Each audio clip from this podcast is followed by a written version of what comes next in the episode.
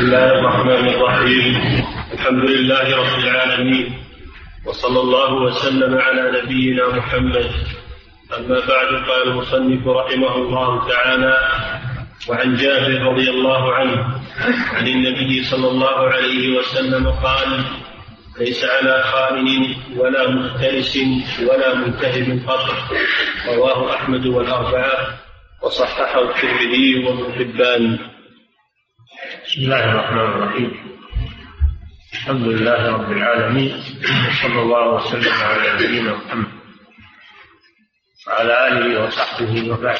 هذا الحديث فيه أن هؤلاء الثلاثة ليس عليهم قطع يد اذا اخذوا المال بهذه الطرق ليس فلا تقطع أيديهم. لأنهم لا تتحقق فيهم صفة السرقة الأول الخائن الخائن يعني في الأمانة. يعني يكون إنسان تودع عنده أموال بحفظها ويأتمنه صاحبها عليها فيأخذ منها. هذه خيانة. كذلك مثلا ولي اليتيم الذي يقوم على حفظ أمواله فيأخذ منها بغير حق.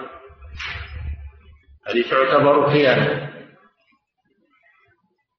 قال الله تعالى يا أيها الذين آمنوا لا تقولوا الله والرسول وتقولوا أماناتكم وأنتم تعلمون. وهذا العمل محرم.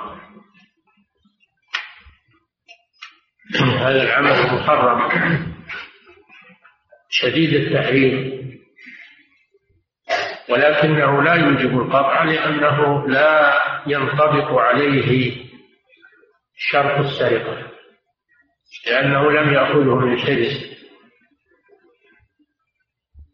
وإنما أخذه من عنده وأمانته. فلا تقطع يده. لأن صاحب المال قد ائتمنه وأعطاه إياه. ولم هو ولم يذهب هو إلى المال ويحتال عليه ويأخذه من صاحبه سرا خفيا وإنما صاحب المال هو الذي جاء بالمال إليه. هذا يضمن ما ما يضمن ما خانه إذا علم وإذا لم يعلم فإن هذا بينه وبين الله فيجب عليه أن يرد ما أخذه. إن الله يأمركم أن تؤدوا الأمانات إلى أهلها. قال عليه الصلاة والسلام على اليد ما أخذت حتى تؤديه فعليه أن يتوب إلى الله وأن يرجع ما أخذ ويؤدي الأمانة إلى إلى صاحبه.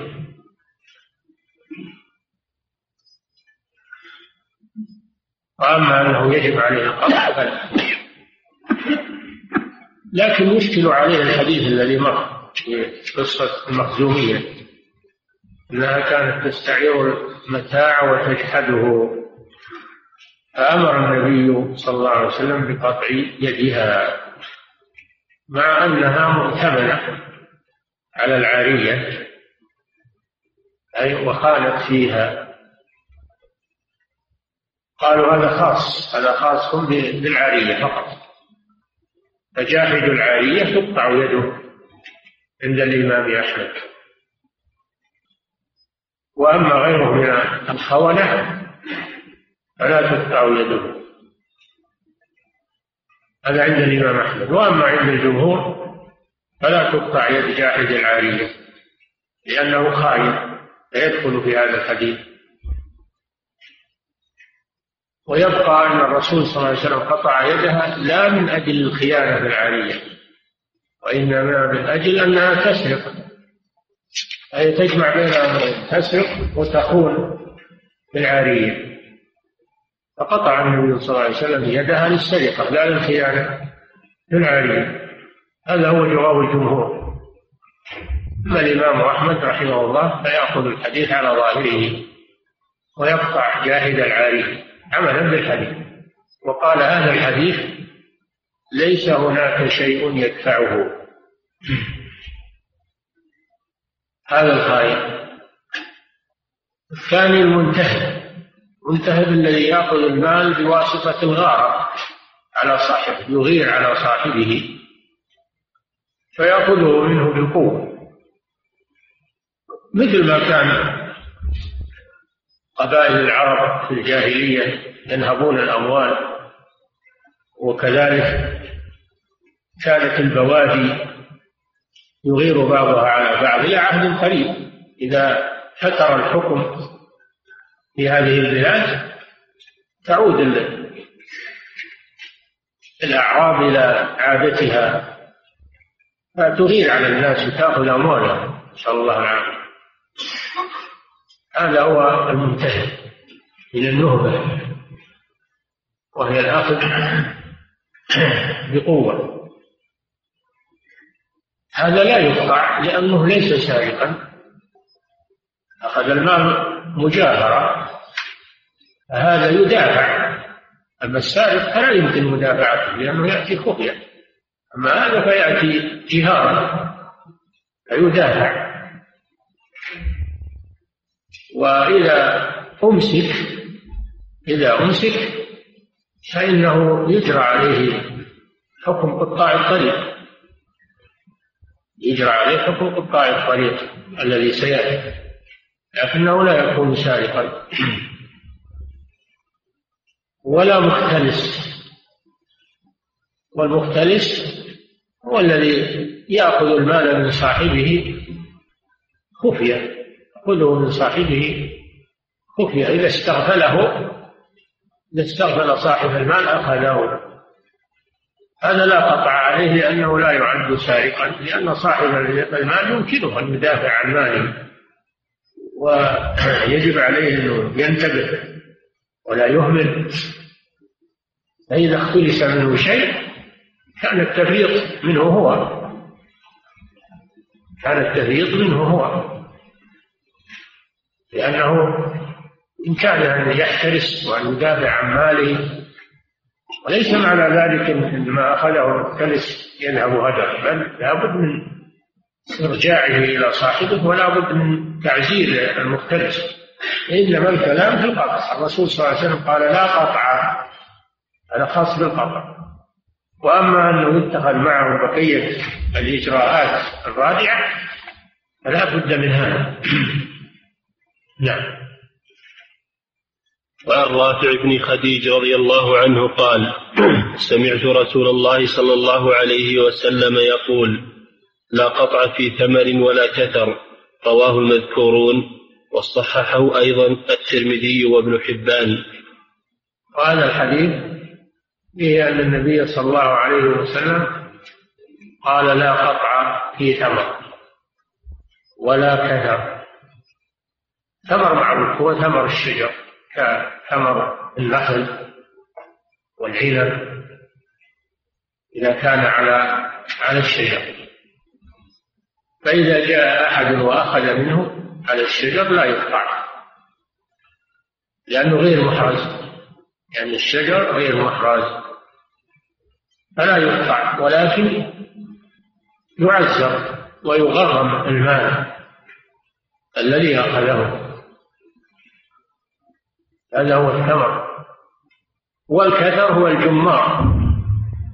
وقيل هو طلع النخل أول ما يظهر. فإذا أخذ منه أحد فلا قطع عليه لأنه غير محرز ولكن يعزر لتعديه لتعديه على على ملك الغير يعزر. والقطع لا يقطع لأن هذا غير محرز نعم. وعن أبي أمية المخزومي رضي الله عنه قال أتي رسول الله صلى الله عليه وسلم بلص قد اعترف اعترافا ولم يوجد معه متاع. فقال له رسول الله صلى الله عليه وسلم معه متاع. متاع نعم. فقال له رسول الله صلى الله عليه وسلم ما إخالك سرقت؟ قال بلى. فأعاد عليه مرتين أو ثلاثا فأمر به فقطع وجيء به. فقال استغفر الله وتب إليه. فقال أستغفر الله وأتوب إليه. فقال اللهم تب عليه ثلاثا أخرجه أبو داود واللفظ له وأحمد والنسائي ورجاله ثقات. وهذا الحديث فيه أن النبي صلى الله عليه وسلم أتي بلص واللص هو السابق. فاعترف عند النبي صلى الله عليه وسلم مرتين أو ثلاثة. فقال له النبي صلى الله عليه وسلم ما إخالك أي ما أظنك سرقت يلقنه صلى الله عليه وسلم الإنكار. ولكنه أصر على الإقرار. فلما أصر ولم يقبل التلقين أمر به النبي صلى الله عليه وسلم فقطعت يده. فهذا الحديث فيه مسائل. المسألة الأولى ثبوت السرقة بالإقرار. السرقة تثبت بأحد أمرين الأمر الأول شهادة عدلين. إذا شهد عدلان عليه بالسرقة ووصفاها فإنها تقطع يده. أنها قامت البينة عليه. الأمر الثاني الإقرار. إذا اعترف على نفسه أنه سرق فإنه تقطع يده. باعترافه ولكن الإقرار هل يكفي مرة؟ أو لا بد من مرتين؟ عند الحنابلة لا بد من مرتين. ولا تكفي الإقرار مرة لأن الرسول صلى الله عليه وسلم لم يقطعه بالإقرار مرة. حتى كرر كرر الإقرار واعترف. فدل على أنه لا بد من الإقرار مرتين. هذا عند الإمام أحمد والجمهور يقولون يكفي مرة. اعترف مرة إنه يكفي. ثانيا في الحديث دليل على أنه يلقن على أن المعترف بالسرقة يلقن الإنكار. درءا للحد عنه. ولأنه ربما يعتقد أن فعله سرقة وليس بسرقة. مثل الذي يعترف بالزنا. ربما يظن أن إن كل شيء من الحرام مع المرأة أنه زنا كاللمس والنظر والقبلة وغير ذلك. فيكرر عليه طلب الاعتراف حتى تزول الشبهة وهذا ربما أنه يظن من كل أخذ المال كل من أخذ مالا بغير رضا صاحبه يكون سارقا ليس الأمر كذلك. ولهذا قال له النبي صلى الله عليه وسلم ما يخالف أي ما أظنك سرقت.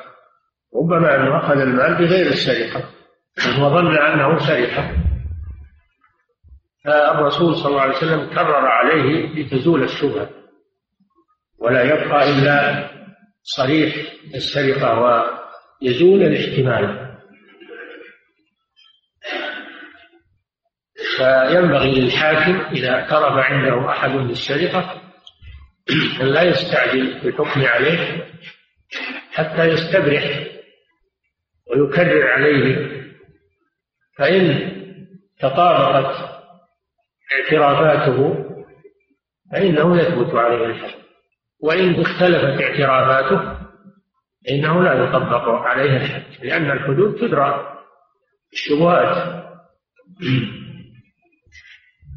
المسألة الثالثة فيه أنه يلقن التوبة أنه يلقن التوبة بعد بعد تطبيق الحد عليه. النبي صلى الله عليه وسلم لما جيء به بعد قطع يده أمره بالتوبة الاستغفار استغفار. دل على أن السارق يلقى للتوبة والاستغفار. ثم لما تاب واستغفر دعا له النبي صلى الله عليه وسلم ثلاث مرات. اللهم تب عليه اللهم تب عليه اللهم تب عليه. ودعوة الرسول صلى الله عليه وسلم مستجابة. دل على أنه يلقى على أنه يلقن التوبة والاستغفار. ولا يترك يقطع ويترك يذهب بل يطلب منه التوبة والاستغفار من أجل أن لا يعود لمثل هذا الشيء. ولأجل أن لا يبقى عليه ذنبه وجريمته بل وعلى ويدل الحديث على توبة صاحب الكبيرة هذا سارق والسرقة كبيرة كبائر الذنوب. إذا تاب العبد منها تاب الله عنه وغفر له. نعم. وأخرجه الحاكم من حديث أبي هريرة رضي الله عنه فساقه بمعناه وقال فيه اذهبوا به فاقطعوه ثم احسموه وأخرجه البزار أيضا وقال لا بأس بإسناده. هذه الرواية فيها زيادة زيادة أمرين. الأمر الأول توكيل في إقامة الحدود. لأن النبي صلى الله عليه وسلم قال اذهبوا به فاقطعوه ففيه أن ولي الأمر يوكل من ينفذ الحد. ولا يلزم أن أن يباشره بنفسه. وكما في قصة العسير. قال اغدوا يا أنيس إلى امرأة هذا فإن اعترفت فارجمها ففيه التوكيل في إقامة الحدود. هذه مسألة. المسألة الثانية أمر بحسم بحسمه. يعني بعد القطع يحسم بشيء يمنع نزيف الدم. يحسم بمادة تمنع نزيف الدم ولا يترك. ينزف الدم لأن هذا خطر عليه. وكان في الزمان الأول يحسم بالكي وذلك بأن يغلى زيت ثم تغمس يده فيه من أجل أن تنسد أفواه العروق يتوقف الدم. والآن الوسائل الطبية الآن الوسائل الطبية فيها غنى عن عن الكي فيحضر طبيب مختص ويحسم العروق بما استجد من من المواد التي تمنع نزيف الدم. فدل على أن السارق إذا قطعت يده لا يهمل ويترك يتضرر وإنما يعمل معه ما يبقي عليه صحته وحياته يعالج. وهذا هو الواقع والحمد لله إذا قطعت يده يعالج حتى يشفى ولا يترك نعم. وعن عبد الرحمن بن عوف رضي الله تعالى عنه أن رسول الله صلى الله عليه وسلم قال لا يغرم السارق إذا أقيم عليه الحد. رواه النسائي وبين أنه منقطع. وقال أبو حاتم هو منكر. هذا فيه أن السارق لا يغرم إذا أقيم لا يغرم المال الذي أخذه إذا أقيم عليه الحد فليكتفى بالحد. ولكن الحديث لا يحتج به لأمرين أولا أنه منقطع. والمنقطع هو الذي سقط من سنده راو. إذا سقط من وسط السند راوي فإنه يكون منقطعا. وإن سقط راويان فأكثر يسمى بالمعضل. هذا في وسط السند. وإن كان السقوط من أعلى السند هذا يسمى بالمرسل كما لو سقط اسم الصحابي رواه التابعي عن الرسول فإن هذا يسمى بالمرسل. وإن كان سقوط الراوي من أول السند هذا يسمى بالمعلق. يسمى بالمعلق. هذه علل السند إما الإرسال وإما الانقطاع وإما وإما التعليق وإما الإعضال. كلها آفات من آفات السند. وهذا الحديث فيه آفتان في سنده آفتان آفة الأولى أنه منقطع. لأن إبراهيم رواه عن جده عبد الرحمن بن عوف رضي الله عنه وإبراهيم لم يدرك جده أو منقطع. والآفة الثانية أنه منكر يعني غير معروف عند المحدثين. هذا الحديث غير معروف عند المحدثين وعند الحفاظ أو منكر. فلا إذا لا يحتج به وإلا لو صح فإنه يدل على أن السارق إذا أقيم عليه الحد لا يغرم المال الذي أخذه. ولكن الحديث لا يحتج به. والسرقة يتعلق بها حقان الحق الأول حق الله سبحانه وتعالى. وهذا يكون بقطع يده. نكالا من الله. الحق الثاني حق صاحب المال. قوله صلى الله عليه وسلم لا يحل مال امرئ مسلم إلا بطيبة من نفسه فلا بد من الأمرين. لا بد من القطع ولا بد من تغريم المال. إن كان موجودا يرد على صاحبه يعني وإن كان غير موجود فإنه يضمنه بمثله إن كان مثليا أو قيمته إن كان متقوما. كسائر المتلفات. ولا يخرج هذا عن القاعدة وعن المتلفات فيضمن المال سواء كان موجودا أو كان ثابتا لأنه فوته على صاحبه. ولا يحل مال امرئ مسلم إلا بطيبة من نفسه. نعم. وعن عبد الله بن عمرو بن العاص رضي الله عنهما عن رسول الله صلى الله عليه وسلم أنه سئل عن التمر المعلق. فقال من أصاب بفيه من ذي حاجة غير متخذ خبنة فلا شيء عليه ومن خرج بشيء منه فعليه الغرامة والعقوبة ومن خرج بشيء منه بعد أن يؤويه الجرين فبلغ ثمن المجن فعليه القطع. أخرجه أبو داود والنسائي وصححه الحاكم. هذا الحديث في الثمر. يعني ثمر النخل أو ثمر العنب. فيه ثلاث مسائل. المسألة الأولى إذا كان الثمر على رؤوس الشجر. إذا كان الثمر على رؤوس الشجر. ثم جاء شخص وأكل منه بفيه فقط. هذا لا شيء عليه. هذا من حق المار هذا من حق المار إذا لم يكن الثمر محرزا بجدار أو بحارس إذا كان ليس عليه جدار يحفظه وليس عليه حارس يحرسه فلا بأس أن المار يأكل منه بفمه فقط لا يأكل منه شيء. ويكون هذا مجانا. فأكل منه بفيه فلا شيء عليه. أما إذا كان. إذا كان محوطا عليه بجدار أو عنده حارس فلا بد من الاستئذان. لأن هذا يدل على أن صاحبه لا يسمح.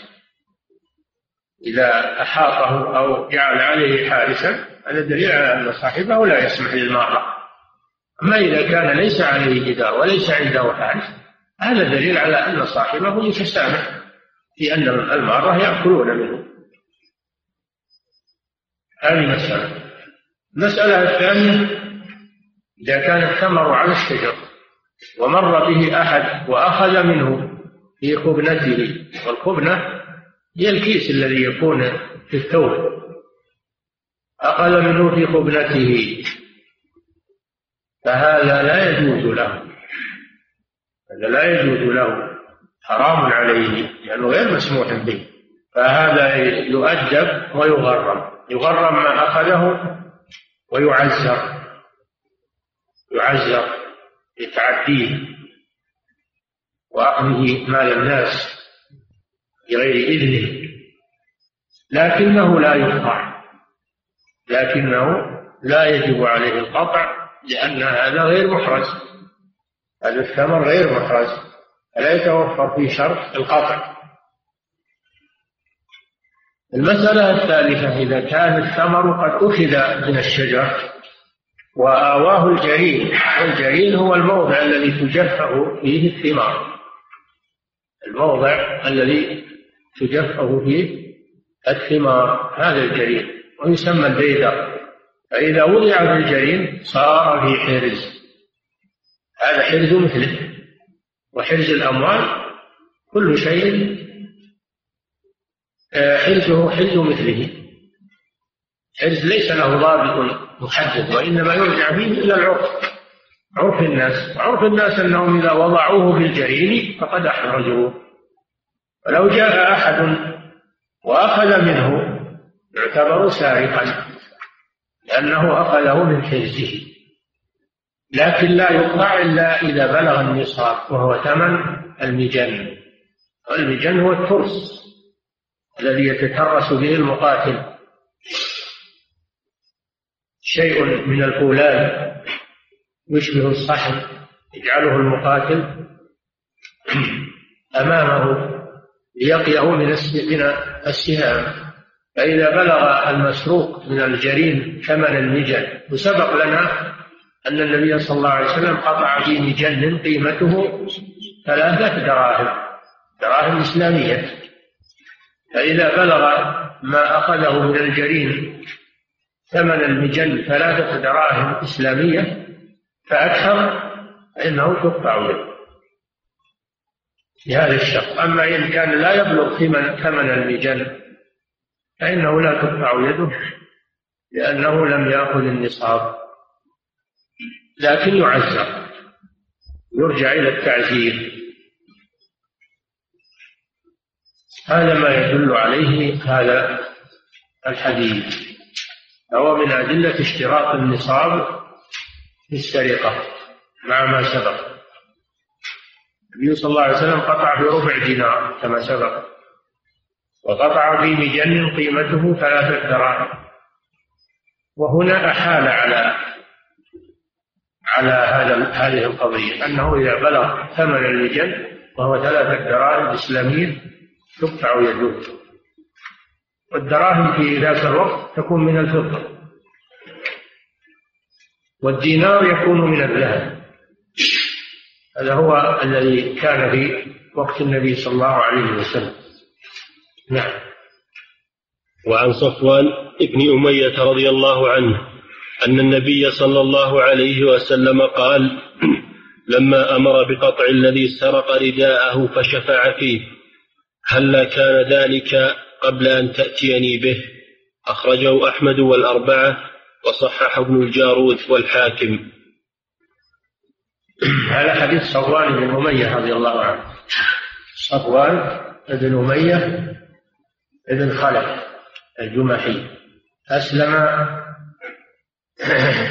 عام الفتح. أسلم عام الفتح. بعد وقعة حنين خرج إلى حنين وهو كافر واستعار منه النبي صلى الله عليه وسلم أدراعه وخرج وهو على الكفر. فلما انتهت المعركة وغنم النبي صلى الله عليه وسلم مغانم كثيرة أعطاه. أعطاه مالا كثيرا يتألفه فأسلم وحسن إسلامه. رضي الله عنه.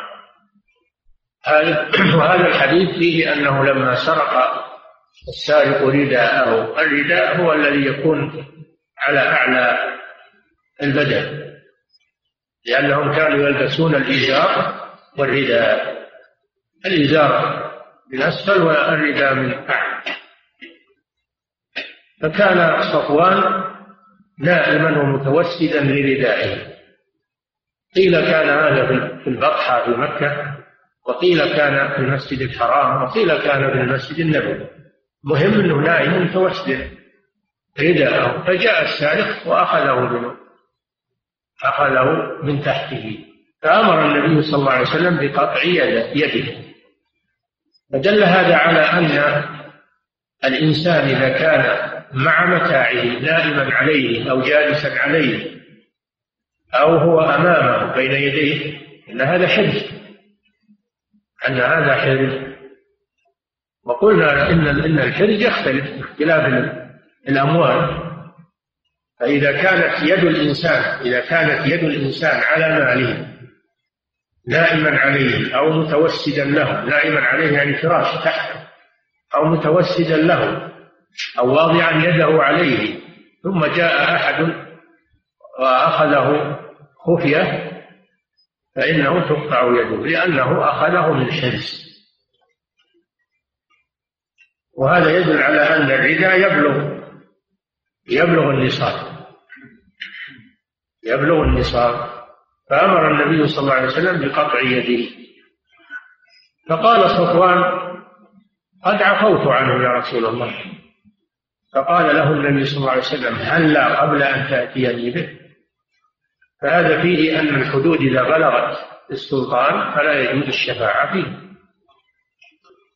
إذا بلغت الحدود السلطان فلا بد من تنفيذها ولا تجوز الشفاعة فيها. لأن النبي صلى الله عليه وسلم قال هلا قبل أن يعني هلا عفوت عنه قبل أن تأتيني به؟ فدل على أن الحدود إذا بلغت السلطان أو بلغت المحكمة وثبتت أو لا يجوز لأحد أنه يشفع في إسقاطها. وقد مر بكم قصة أسامة بن زيد رضي الله عنه لما كلم النبي صلى الله عليه وسلم في قصة المخزومية. فغضب عليه النبي صلى الله عليه وسلم. قال أتشفع في حد من حدود الله؟ إنما أهلك من كان قبلكم أنهم كانوا إذا سرق فيهم الشريف تركوه وإذا سرق فيهم الضعيف أقاموا عليه الحد وقال صلى الله عليه وسلم من حالت شفاعته دون حد من حدود الله فقد ضاد الله في أمره. ولعن صلى الله عليه وسلم من آوى محدثا. من آوى يعني منع من أحدث حدثا يوجب عليه العقوبة فآواه ومنع أن تقام عليه العقوبة لعنه النبي صلى الله عليه وسلم. فلا تجوز الشفاعة في الحدود بعد ثبوتها شرعا بل لا بد من تنفيذها والمسألة الثالثة فيه دليل على أنه إذا لم تبلغ الحدود السلطان أنه يجوز السماح عنها. العفو عنها قبل أن ترفع إلى المحكمة أو إلى السلطان يجوز التسامح فيها. كما قال صلى الله عليه وسلم تدافعوا الحدود فيما بينكم فما بلغ فما بلغني من حد فقد وجب فلا يجوز بعد بلوغ السلطان أو المحكمة الشفاعة فيه أما قبل ذلك قبل أن تثبت فيجوز ان المعتدى عليه يسمح. ولا ولا يكون على الجاني شيء. فهذه ثلاث مسائل في حديث صفوان الأولى الحرز وأن الإنسان حرز لما معه. أن الإنسان حرز لما معه من المال. والثاني أن الحدود إذا بلغت السلطان أنها لا تجوز الشفاعة فيه لا بد من تنفيذه نعم. هذه و والثالثة المسألة الثالثة أنها إذا لم تبلغ ولي الأمر فإنه يجوز التسامح عنها. نعم. وعن جابر رضي الله عنه قال جيء بسارق إلى النبي صلى الله عليه وسلم فقال فقال اقتلوه. فقالوا إنما سرق يا رسول الله. قال اقطعوه فقطع. ثم جيء به الثانية. فقال اقتلوه فذكر مثله. ثم جيء به الثالثة فذكر مثله. ثم جيء به الرابعة كذلك. ثم جيء به الخامسة فقال اقتلوه. أخرجه أبو داود والنسائي واستنكره وأخرج من حديث الحارث بن حاطب نحوه. وذكر الشافعي أن القتل في الخامسة منسوخ. نعم. هذا الحديث يدل بظاهره على أن السارق إذا تكررت منه السرقة يقتل. إذا تكررت منه السرقة يقتل. ولكن الإمام الشافعي رحمه الله يقول إن القتل منسوخ. وذلك لأن النبي صلى الله عليه وسلم جيء بسارق تكررت منه السرقة فلم يأمر بقتله. هذا ناسخ لهذا الحديث. القتل منسوخ. وبعض العلماء يقول إنه إذا تكررت منه السرقة يكون من المفسدين في الأرض. فيقتل. فيبقى الحديث غير منسوخ إذا تكررت منه السرقة فإنه يكون من المفسدين في الأرض. الله تعالى يقول إنما جزاء الذين يحاربون الله ورسوله ويسعون في الأرض فسادا أن يقتلوا أو يقلبوا أو تقطع أيديهم وأرجلهم منهم يكون هذا من باب دفع الإفساد في الأرض. فيقتل.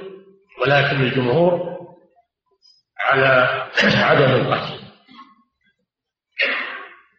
لأنه ليس مثل قطاع الطريق والآية إنما وردت في قطاع الطريق يبقى إذا تكررت السرقة هل يكرر عليه القطع؟ نعم إذا تكررت عليه السرقة يكرر القطع المرة الأولى تقطع يده اليمنى. فإن عاد فإنها تقطع رجله اليسرى من مفصل العقل. يقطع قدمه ويبقى عقبه يمشي عليه يعني العرقوب يبقى وإنما يقطع العقب من معقد الشراك. هذا في المرة الثانية. المرة الثالثة تقطع يده اليسرى. المرة الرابعة تقطع رجله اليسرى. آه، تقطع رجله اليمنى. تقطع أطرافه الأربع. فإن تكرر منه بعد ذلك فإنه يحبس. تكررت منه السرقة فإنه يحبس. هذا قول لبعض العلماء. والقول الثاني أنه يكتفى بالمرتين الأولين تقطع يده اليمنى في الأول مرة تقطع رجله اليسرى في المرة الثانية ثم لا يكرر عليه القطع لأنه إذا قطعت أطرافه الأربعة يتعطل. تبقى له يد يأكل بها وتبقى له رجل يمشي عليها فلا يكرر عليه القطع. إنما يكتفى بالقطع مرتين. هذا قول. والقول الثاني أنه تقطع أعضاؤه الأربعة بظاهر الحديث. بظاهر هذا الحديث. ولكن الله جل وعلا قال في قطاع الطريق إنما جزاء الذين يحاربون الله ورسوله ويسعون في الأرض فسادا أن يقتلوا أو يصلبوا أو تقطع أيديهم وأرجلهم من خلاف. يعني تقطع يده اليمنى وتقطع رجله اليسرى. ولا يزاد على ذلك. لأجل أنه يستعمل يده اليسرى للأكل والغسيل وغير ذلك والأخذ والإعطاء. وتبقى رجله تبقى رجله اليسرى يمشي عليها يعتمد عليها عند المشي والوقوف. فإذا تكرر منه السرقة بعد المرتين يحبس ولا يمكن من ولا يمكن من السرقة. وهذا يدل على هذا يدل على دناءة هذا الإنسان. وأن هذا الإنسان قد ينحط إلى أحط من البهائم حيث لا ترجعه الحدود ولا تمنعه من السرقة. هذا دليل على أن هذا الإنسان قد انهمك. الإنسان إذا لم يعصمه الله ولم يتق الله فإنه يصل إلى درجة أحط من البهائم نسأل الله العافية. مع أنه إنسان عاقل وإنسان عنده تفكير وإنسان قد كرمه الله عز وجل على غير غيره من المخلوقات قد كرمنا بني آدم حملناهم في البر والبحر رزقناهم من الطيبات لكن قد يحط نفسه عن هذه الكرامة وينزل إلى أسفل سافلين ولا حول ولا قوة إلا بالله. نعم. فضيلة الشيخ شخص سرق مقدار من المال من حرزه ثم تاب فما عليه بعد التوبة أن يعلم أن أن يخبر المسروق منه. إذا كان الحد ما بلغ ولاة الأمور فإنه يتوب إلى الله ويرجع المال إلى صاحبه ويطلب منه المسامحة. يطلب منه المسامحة ويرجع إليه المال. هذا الذي يجب عليه توبة ويرجع المال إلى صاحبه ويطلب منه المسامحة نعم. فضيلة الشيخ هل يجوز إعادة يد السارق بعد قطعها؟ والقول بأن الحكمة زالت بمجرد القطع ولا بأس بإعادتها. هذه المسألة جرى فيها أخذ رد كتابات. وأنا أرى أنه من العبث. الله جل وعلا أمر بقطع يد السارق وأهدرها وعطلها عليه. فكيف نعيدها إليه؟ والله قد أهدرها عليه. هذا يعتبر من العبث. وقد عرضت هذه المسألة على هيئة كبار العلماء فلم يروا لم يروا أنها تعاد. لأن هذا في الحقيقة يذهب الحكمة في قطع يد السائل. لا تعاد إليه. نعم. لأنه إذا أعيدت أعيدت إليه فاتت الحكمة من من قطعها. وإذا عرف أنه سيقطع وتعاد إليه يده يتجرع على السرقة. لكن إذا عرف أن يده ستبتر ولا تعود إليه فإن هذا يردع نعم. فضيلة الشيخ هل يجوز وضع البنج في يد السارق قبل القطع؟ لا لا يجوز تبنيجها لأجل يذوق العذاب لأنها إذا بنجت ما يحس. لا يحس بالألم.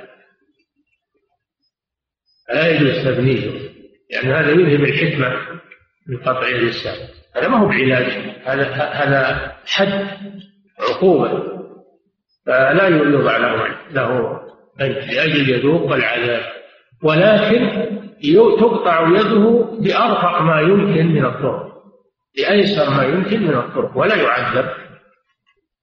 وذلك بأن يمسك يمسك لئلا يضطرب وتمس يده حتى يتبين المفصل ثم يوضع عليها الحا يوضع عليها الآلة الحادة فتجرى عليها مرة واحدة تقطع آلة حادة جدا إذا أجريت عليها مرة واحدة قطعت. فتقطع يده بأيسر ما يمكن وأسهل ما يمكن. لا يقطع بآلة كالة ولا يترك يضطرب بل يمسك يمسكه رجال وتمس يده حتى يتبين المفصل الذي يقطع منه ثم تجرى عليه الآلة بسرعة حتى ينتهي. ولا يعذب بآلة كالة أو إعادة إجراء الآلة عليه مرتين أو ثلاثة هذا يعذبه. نعم. ثم أيضا كما سمعتم ما يترك ينزف الدم يعالج بما يوقف الدم ويبرئ الجرح. نعم. فضيلة الشيخ هل الحد في الدنيا يسقط إثم الآخرة أم لا بد من التوبة في حياته؟ إذا تاب تاب الله عليه. ولكن إذا لم يتب وأقيم عليه الحد إذا لم يتب وأقيم عليه الحد. قد اختلف العلماء رحمهم الله. هل تعاد عليه العقوبة في الآخرة أو تكفي إقامة الحد عليه في الدنيا؟ على قولين لأهل العلم. منهم من يقول إذا أقيم عليه الحد في الدنيا إنه لا يعذب في الآخرة لأن الله لا يجمع له بين عقوبتين وهذا بناء على أن الحدود جوابر يسمونها جوابر يعني مكفرات. والقول الثاني أنه إذا لم يتب يعذب في الآخرة. ولو كان قد أقيم عليه الحد في الدنيا. وهذا على القول بأن الحدود زواجر وليست جوابر. زواجر عن الجرائم وليست جوابر. الله أعلم. نعم. فضيلة الشيخ ذكرتم في الأسبوع الماضي أن السيارة إذا أوقفت خارج أسوار الكراج فإنها تعتبر غير محرزة بالرغم أن إحراز السيارة يكون بقفلها بالمفاتيح. ليس هذا إحرازا له هذا ليس إحرازا له لأنه مهيأ للأخذ ما دامت في الشارع والسراق معهم مفاتيح ومعهم حيل. معهم مفاتيح ومعهم حيل ويمكن يكسر يكسر الجزاز سهل كسر الجزاز هي غير محرم وقد عرضت هذه المسألة على هيئة كبار العلماء فلم يروا أن أن إقفالها في الشارع لم يروا أنه حفظ. لم يروا أنه حفظ. ولكن من أخذها تطبق عليه عقوبة راجعة لكن بغير القطع بغير القطع نعم. فضيلة الشيخ معلوم في الوقت الحاضر أن من فعل شيئا يوجب الحد كسرقة كسرقة أو شرب خمر فإن القضية لا ترفع إلى المحكمة مباشرة بل تسجل في الشرطة أو الهيئة فهل يجوز فعل الشفاعة في هذه الدوائر قبل وصولها إلى المحكمة؟ لا إذا رفعت إلى الشرطة الشرطة, الشرطة نواب للحاكم نواب للحاكم فلا تجوز الشفاعة فيه لكن قبل يرفع للشرطة يجوز التعادل فيها. نعم. فضيلة الشيخ إذا مررت بمزرعة فيها ثمر فأخذت قدر ما آكل ومن معي فهل يجوز هذا؟ هذا لا يجوز. هذا يوجب عليك العقوبة كما في الحديث. لا يجوز هذا. لا تحمل شيء. لا لنفسك ولا لغيرك. إنما تسامح لأكل بما تأكله في المكان ولا تحمله. وبشرط أن لا يكون هذا محرزا بسور أو بحارس. نعم. فضيلة الشيخ إذا أعطانا عامل المزرعة شيئا فهل يجوز لي أن أخذه مع أنني لا أعلم عن رضا المالك؟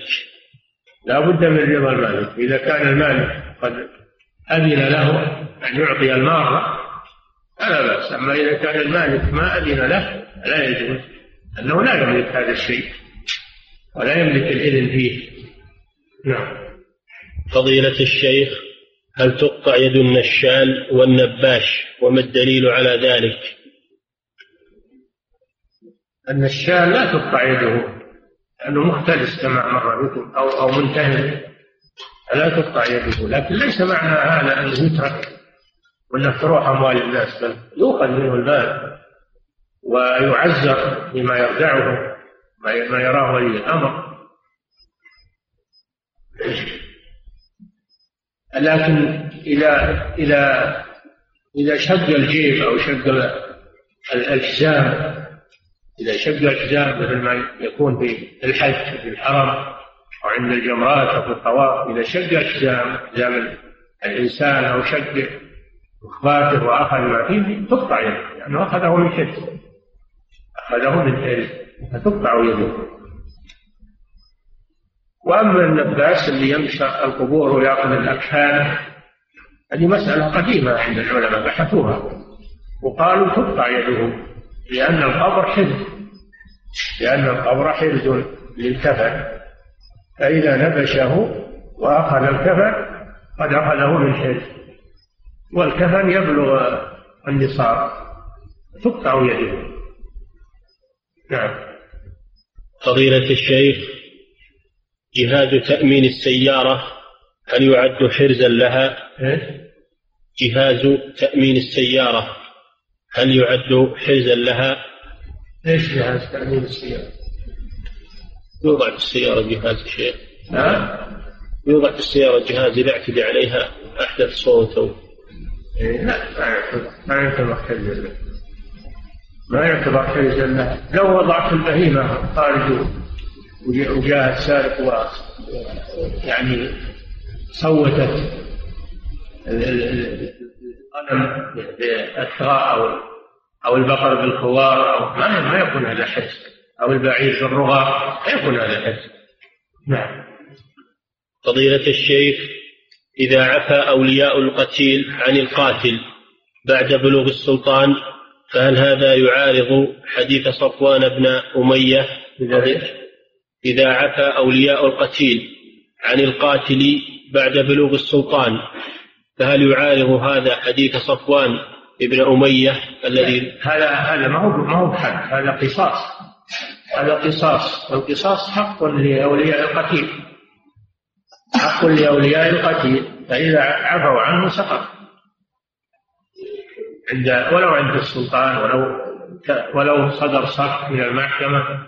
أن هذا حق لهم. لهم أن يقتصوا ولهم أن أن يعفوا. ولهم أن يأخذوا الدية.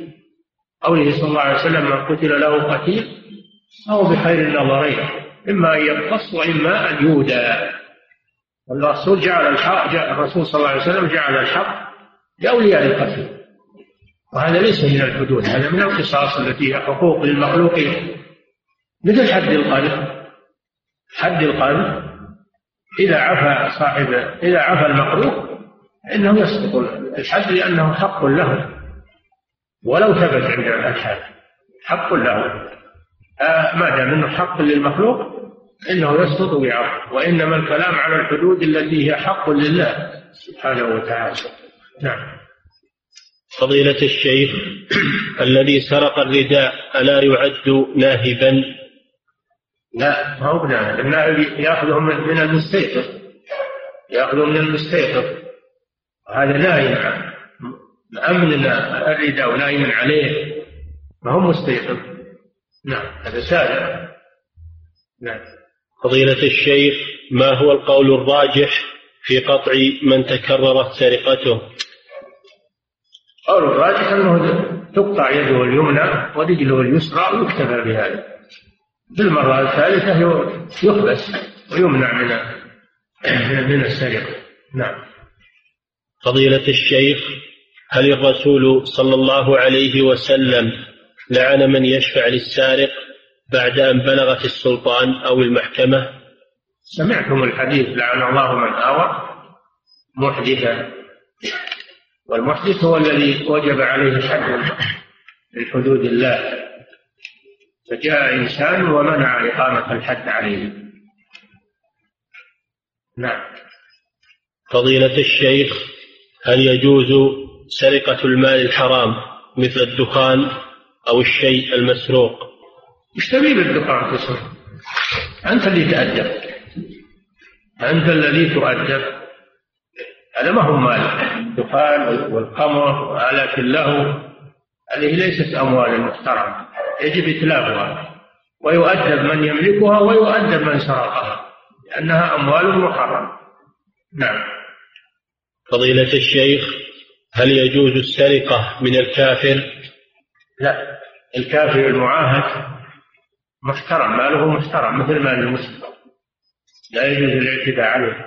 أما الحربي فإنه مباح الدم والمال. الحربي مباح الدم والمال. أما المستأمن والمعاهد والذمي فهؤلاء في ذمة المسلمين.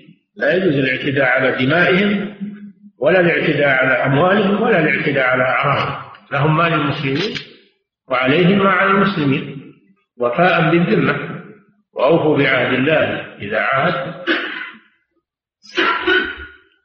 وأوفوا بالعهد إن العهد كان مسؤولا.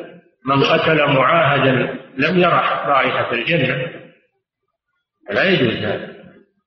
لا يجوز الاعتداء على المعاهدين والمستأمنين والمهادنين اللي بينه وبينهم هدنة. لا يجوز هذا. إنما هذا في الحربيين فقط. نعم.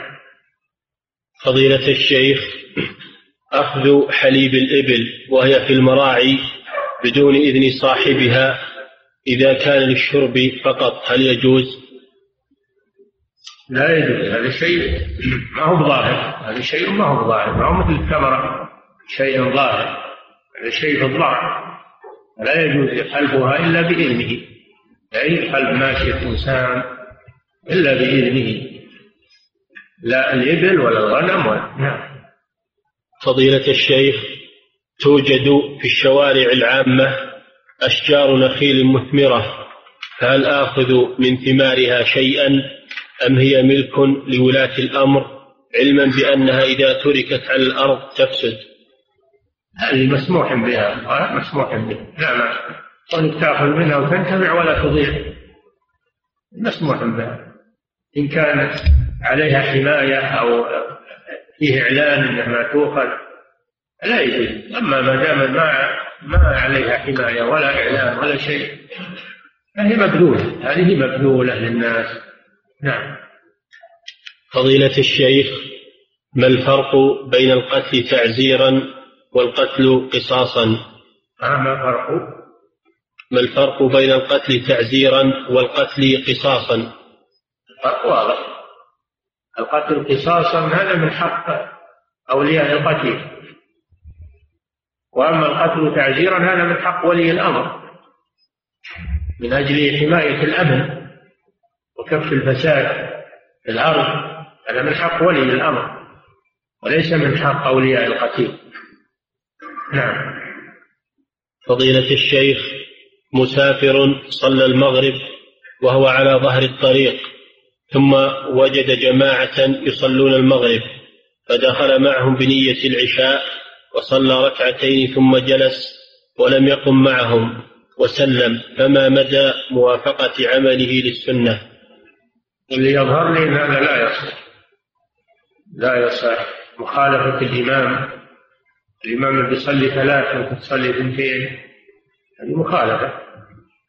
والنبي صلى الله عليه وسلم يقول إنما جعل الإمام ليؤتم به. فصل وراه وأكمل الصلاة. أربع. نرجع إلى الأصل وهو الإتمام. نعم. فضيلة الشيخ هل الفخذ عورة أم لا؟ مع الدليل. لا شك أنه عورة. والدليل أن النبي صلى الله عليه وسلم قال لعلي رضي الله عنه لا تبرز فخذك. ولا تنظر إلى فخذ حي ولا ولا ميت. وهو من محارم العورة.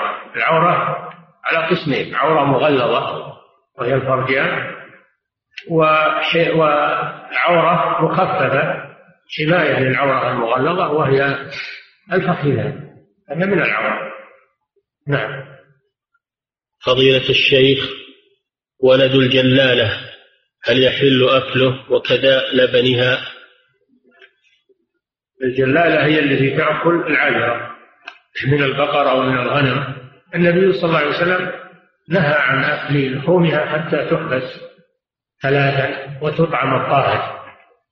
يعني لا يجوز أكل لحومها ولا شرب ألبانها حتى تحبس ثلاثة أيام وتطعم الطاهر.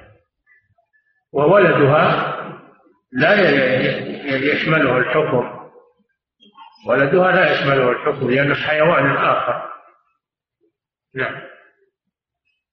فضيلة الشيخ كنت مسافرا وفي أثناء الطريق أردت أن أجمع بين الظهر والعصر في وقت الظهر فدخلت الم... ولدها إذا كان يتغذى من غذائها يأخذ حكمها لكن إذا كان مستقل ولا يتغذى من غذائها إنه لا يأخذ حكمها نعم. فضيلة الشيخ كنت مسافرا وفي أثناء الطريق أردت أن أجمع بين الظهر والعصر في وقت الظهر فدخلت المسجد فوجدت الإمام في الركعة الثالثة من صلاة الظهر فدخلت معه فلما سلم سلمت معه ثم قمت فصليت العصر ركعتين فقيل لي فقيل لي بعد ذلك إن هذا الفعل غير صحيح وكان الواجب عليك إتمام صلاة الظهر أربعا ثم تصلي العصر ركعتين. نعم.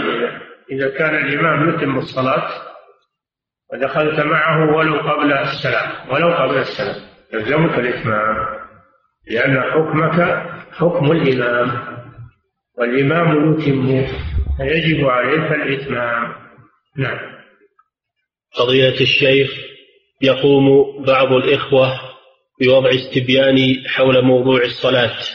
يحوي جملة من الأسئلة نحو هل تصلي الفجر في جماعة؟ كم مرة تفوتك تكبيرة الإحرام؟ ولا قال لا وش يسوي؟ هذا من العبث هذا من العبث ومن ولا يصلح هذه الطريقة أبدا. طيب المفروض أنه قال لا ما أنا بصلي الفجر. إيش تسوي؟ هذا هذا يعني معناه إشهار للمعاصي وليست طريقة الوعظ والإرشاد بهذه الطريقة.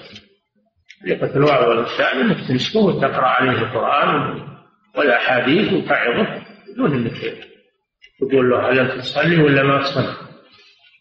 نعم. ثم هذا أيضا فيه إساءة ظن بالمسلم. المسلم الأصل فيه إحسان الظن أنه يصلي. أنت ليش تقول أنت تصلي ولا ما تصلي؟ أحسن الظن به إلا إذا تبين لك أنه ما يصلي فتعظه بذلك أما إذا نشرت هذا الاستبيان هل أنت تصلي ولا ما تصلي؟ هل أنت تزكي ولا ما تزكي؟ هل أنت ملتزم؟ هل أنت بار بوالديك ولا عاق؟ هذا إشاعة لهذه الأمور إشاعة للمنكرات نعم نعم فضيلة الشيخ ما الضابط في التعزية لأنه في هذه الأيام بعض الناس يجلسون ثلاثة, ثلاثة, ثلاثة أيام في البيت وبعضهم يستأجر استراحة لكثرة الناس. هذا لا ينبغي ولا يصلح. الجلوس للتعزية غير مشروع. لا في البيت ولا في الاستراحة. المسلم يخرج لأعماله ولا يعطل أعماله ويجلس في البيت. يخرج لأعماله الوظيفية أو التجارية أو التعليمية. يشتغل لأن هذا يدل على الصبر. أما إذا جلس في البيت هذا يدل على الجزع وأنه ما عنده صبر. لا يجلس. والناس اللي بيعزيه يعزيه في أي مكان يصادفه في المكتب في الشارع في المسجد مدرسة في أي مكان. أو يتصل عليه بالتلفون يعزيه. ما ما له داعي انه يجلس يعطل الأعمال ويعطل أعمال الناس. يجون لم ربما يجون من سفر. إيش الداعي إلى هذه التكلفات؟ ويلزم إعداد أطعمة وطبخ وطهي ربما تكون من تركة الميت وله يتام وله قصار كلف أهل البيت وأهل الميت. هذه الأمور لا ينبغي فعلها بل يجب تركها والنهي عنها. لأنها تتطور أيضا وربما تصل إلى حد المآسي التي تقام في البلاد الأخرى والبدع واستئجار المقرئين وإلى غير ذلك لأن البدع ما تقف عند حد. الواجب حسم هذا الأمر. المصاب يصبر ويتحمل ويقوم بأعماله. لأن تعطيل الأعمال هذا يدل على الجزع. لا تعطل الأعمال. نعم. فضيلة الشيخ هل يجوز التطيب بالأطياب التي فيها نسبة الكحول؟ لا يجوز لأن الكحول نجسة الخمر نجسة إذا ثبت إذا ثبت فيها نسبة من الكحول فلا يجوز التطيب به لأنها حينئذ تكون نجسة ولأنها تسكر من شربها أما مجرد الدعاية أو الشك فيها كحول ولا ثبت هذا فالأصل الحل والحمد لله. الأصل في الأطياب الحل إلا ما ثبت أنه فيه كحول فإنه يتجنب نعم. فضيلة الشيخ أعمل مدرسا في بعض الأحيان أعمل مدرسا وفي بعض الأحيان أجد أقلاما ملقاة في الساحة ولا يأخذها الطلاب فهل يجوز أخذها؟ لأنها لو تركت رميت في الزبالة. هذا ذكروا في باب اللقطة أن الأشياء التافهة التي لا قيمة لها تؤخذ وينتفع بها.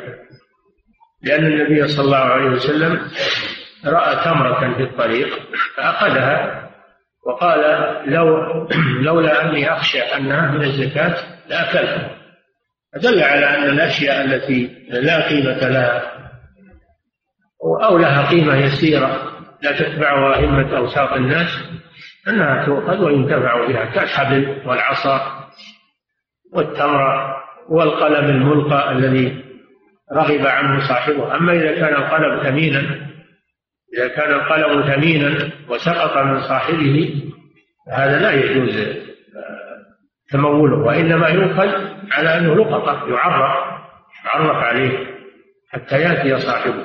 نعم. فضيلة الشيخ هل المطلقة التي في العدة في بيت زوجها تتغطى أم تكشف له؟ إن كانت رجعية إن كانت رجعية فإنها زوجة تكشف له وتتزين له لعله يراجعها تتعرض له لعله يراجعها لأن ما زالت زوجة ما دامت في العدة. أما إذا كانت بائنة فإنها تحتجب عنه إذا كانت بائنة مطلقة ثلاثة أو مطلقة على عوض. يعني طلقها دون الثلاث لكن بشرط أن تدفع له شيئا من المال. هذه بائن فتحتجب منه لأنه ليس له عليها رجعة نعم. فضيلة الشيخ ما رأيكم في كتاب معارج القبول؟ وهل تنصحون بقراءته؟ طيب معارج القبول تاريخ الشيخ حامد الحكمي طيب. مبني على أدلة وأحاديث وآيات. كتاب طيب. نعم. فضيلة الشيخ ما حكم التلفظ بهذه العبارات؟ واحد الحمد لله الذي لا يحمد على مكروه سواه. قل الحمد لله على كل حال. ولا تقل الذي لا يحمد على مكروه سوى المكروه لا ينسب إلى الله سبحانه وتعالى. أفعاله كلها محمودة. أفعال الله كلها محمودة. وإنما الكراهة والشر من ناحية المخلوقين فلا تقل هذا. قل الحمد لله على كل حال. نعم. ثانيا نسأل الله بحق وجهه. توسل بصفات الله جائز لا بأس. النبي صلى الله عليه وسلم قال أعوذ بنور وجهك الذي أشرقت له الظلمات. فالتوسل إلى الله بأسمائه وصفاته جائز لا بأس به. ولله الأسماء الحسنى فادعوه بها. نعم. فضيلة الشيخ ما حكم قول أسألك أسألك بالله؟ لا بأس به لكن من سئل بالله فإنه يجاب. قوله صلى الله عليه وسلم من سألكم بالله فأعطوه.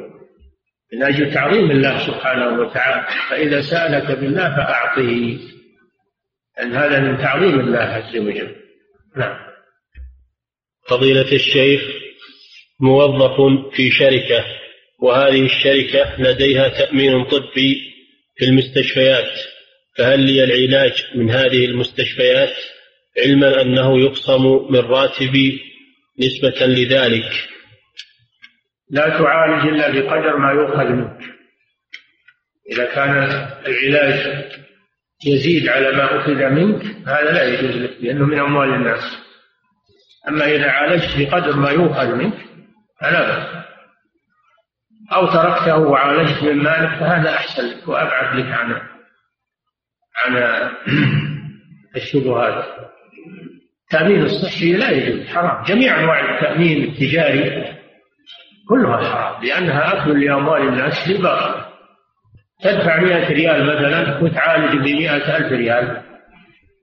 أو أو تصلح سيارة بعشرة آلاف وندافع ألف. هذا منين جاءت الأموال؟ هذه؟ من أموال الناس من أموال المساهمين. لا يجوز لك أكل أموال الناس بالباطل. ولأن فيه مراهنة. فيه ربا فيه شرور التأمين فيه شرور مجتمعة فهو حرام من عدة وجوه. فلا يجوز للمسلم الدخول فيه. نعم. فضيلة الشيخ هناك من يفرق بين هناك من يفرق بين القذف بحضرة الحاكم والقذف بغير حضرته. فيقول إذا إذا قذف شخص إذا قذف شخص أمام الحاكم فيطالبه الحاكم بالبينة أو يقيم عليه الحد ويستدل بحديث البينة وإلا حد في ظهرك. وأما إذا قذف عند غير الحاكم فلا بد من مطالبة المقذوف. فما رأيكم في هذا؟ هذا فقه جديد الظاهر ما ما أعرفه ما القذف محرم الله جل وعلا يقول والذين يرمون المحصنات ولم يأتوا بأربعة شهداء. ما قالوا ما ما قال سبحانه والذين يرمون المحصنات عند الحاكم. ما قيده بهذا. قال سبحانه إن الذين يرمون المحصنات الغافلات المؤمنات لعنوا في الدنيا والآخرة. ولم يقل يرمون المحصنات عند الحاكم. والنبي صلى الله عليه وسلم لما ذكر السبع الموبقات قال في آخرها وقالت المحصنات الغافلات المؤمنات ولم يقل عند الحاكم. نعم. فضيلة الشيخ إذا تسبب الشخص في حادث نعم. إذا تسبب الشخص في حادث نعم. ونتج عنه موت أحد الركاب وموت المتسبب أيضا فهل تجب عليه الكفارة بحيث يخرج من تركته ما يعتق به رقبة أو يصوم عنه وليه؟ ما عليه كفارة وحده بس بل عليه كفارات إذا مات مع أشخاص وهو من جملتهم فعليه كفارة عن نفسه وكفارات عن الأشخاص الذين ماتوا معه. عدة كفارات. ولكن لا بد من ضبط الحادث. ما سببه؟ إذا كان بتفريط من السائق فإنه مضمون مضمون بالدية والكفارة. أما إذا كان بدون إذا حصل الحادث بدون تفريط من السائق فلا شيء عليه. تفريط مثل أن يسوق وهو نائم أو ما يحسن أو ما يحسن القيادة أو مسرع سرعة تزيد عن عن الحد أو يسابق السيارات ويخرج من من مساره إلى مسار السيارات الأخرى ويعبث. هذا عليه الضمان لأنه مفرط متسبب أما إذا كان من الحادث جرى بقضاء وقدر ولم يحصل منه تفريط مثل السيارة انطلق منها شيء تمشي أو الكفر انفجر ويوم يمشي متفقد السيارة ما فيها قواصر لكن انفجر كفر من من السير أو بدون تفريط منه هذا لا شيء عليه لأنه غير مفرط. نعم. فضيلة الشيخ يقول إذا كان يسير سر إذا كان يسير سيرا منضبطا ويحسن القيادة. وليس فيه نوم ولم يعرف أن السيارة فيها خلل. فقدها ولا وجد فيها خلل. فهذا غير مبرر ولا شيء عليه. نعم. فضيلة الشيخ يقول إني أحبك في الله وكذلك الحاضرين من إخوتي من طلبة العلم وأسأل الله تعالى كما جمعني معكم في بيت من بيوت الله أن يجمعني وإياكم في جنات النعيم. وأطلب من فضيلتكم بالدعاء لي بأن يقضي الله ديني ويفرج كربي. وأطلب من إخواني الحاضرين التأمين على ذلك. نسأل الله عز وجل أن يقضي دينه وأن يبرئ ذمته وأن يقضي الدين عن المدينين من جميع المسلمين. إنه سميع مجيب. نعم. فضيلة الشيخ مسافر رأى جماعة يصلون بجانب الطريق فصلى معهم فلم يسمع صوت الإمام من أصوات السيارات المارة فما حكم ذلك؟ وش حصل؟ يعني لما لم يسمع صوت الإمام وش اللي حصل؟ هل كمل الصلاة؟ إذا كان كمل الصلاة فالحمد لله صلاته صحيحة. كونه لا يسمع الإمام هذا معذور فيه. لكن الكلام هل هل هل أكمل الصلاة مع الإمام أو لا؟ إن كان نقص من صلاة ركوع أو سجود أو ركن من أركانها فلا بد من إعادتها. أما إذا كان ما نقص من صلاته شيء الحمد لله. صلاته صحيحة. نعم. إن سبق فقط يا شيخ. نعم. إن سبقه فقط. إذا كان بغير قصد وغير وغير تعمد هذا شيء عليه نعم. فضيلة الشيخ ما حكم قول الشخص توكلت على الله ثم عليك؟ لفظ توكلت هذا خاص بالله عز وجل وعلى الله فتوكلوا إن كنتم مؤمنين. أما التوكيل يجوز تقول للمخلوق وكلتك أو فوضتك أو عمدتك في كذا وكذا أو أنبتك. أما تقول توكلت عليك هذا لا يجوز هذا خاص بالله عز وجل. على الله فتوكلوا. إن كنتم مؤمنين. نعم. فضيلة الشيخ. والتوكل من أعظم أنواع العبادة. نعم. فضيلة الشيخ لي قريب يشرب الدخان فهل إذا لي قريب يشرب الدخان فهل إذا نصحته ولم يستجب أهجره أم ماذا أفعل؟ لا سيما أنه في منزلي يشرب الدخان أيضا. ذكر العلماء أن العاصي إذا كان هجره يردعه فإنه يهجر حتى يرتد أما إذا كان هجره لا يردعه يستمر على المعصية فهذا يكفي النصيحة لك. يكفي أن تناصحه وتكرر عليه النصيحة. لعل الله أن يهديه. نعم. فضيلة الشيخ إذا دخل المأموم مع الإمام من أول الصلاة ثم ترك المأموم ركنا من أركان الصلاة مثل عدم السجود مع الإمام حتى قام من السجود. هل يجب عليه أن يسجد بعد قيام الإمام أم ماذا أم عليه أن يعيد الركعة؟ كان متعمدا تبطل صلاته.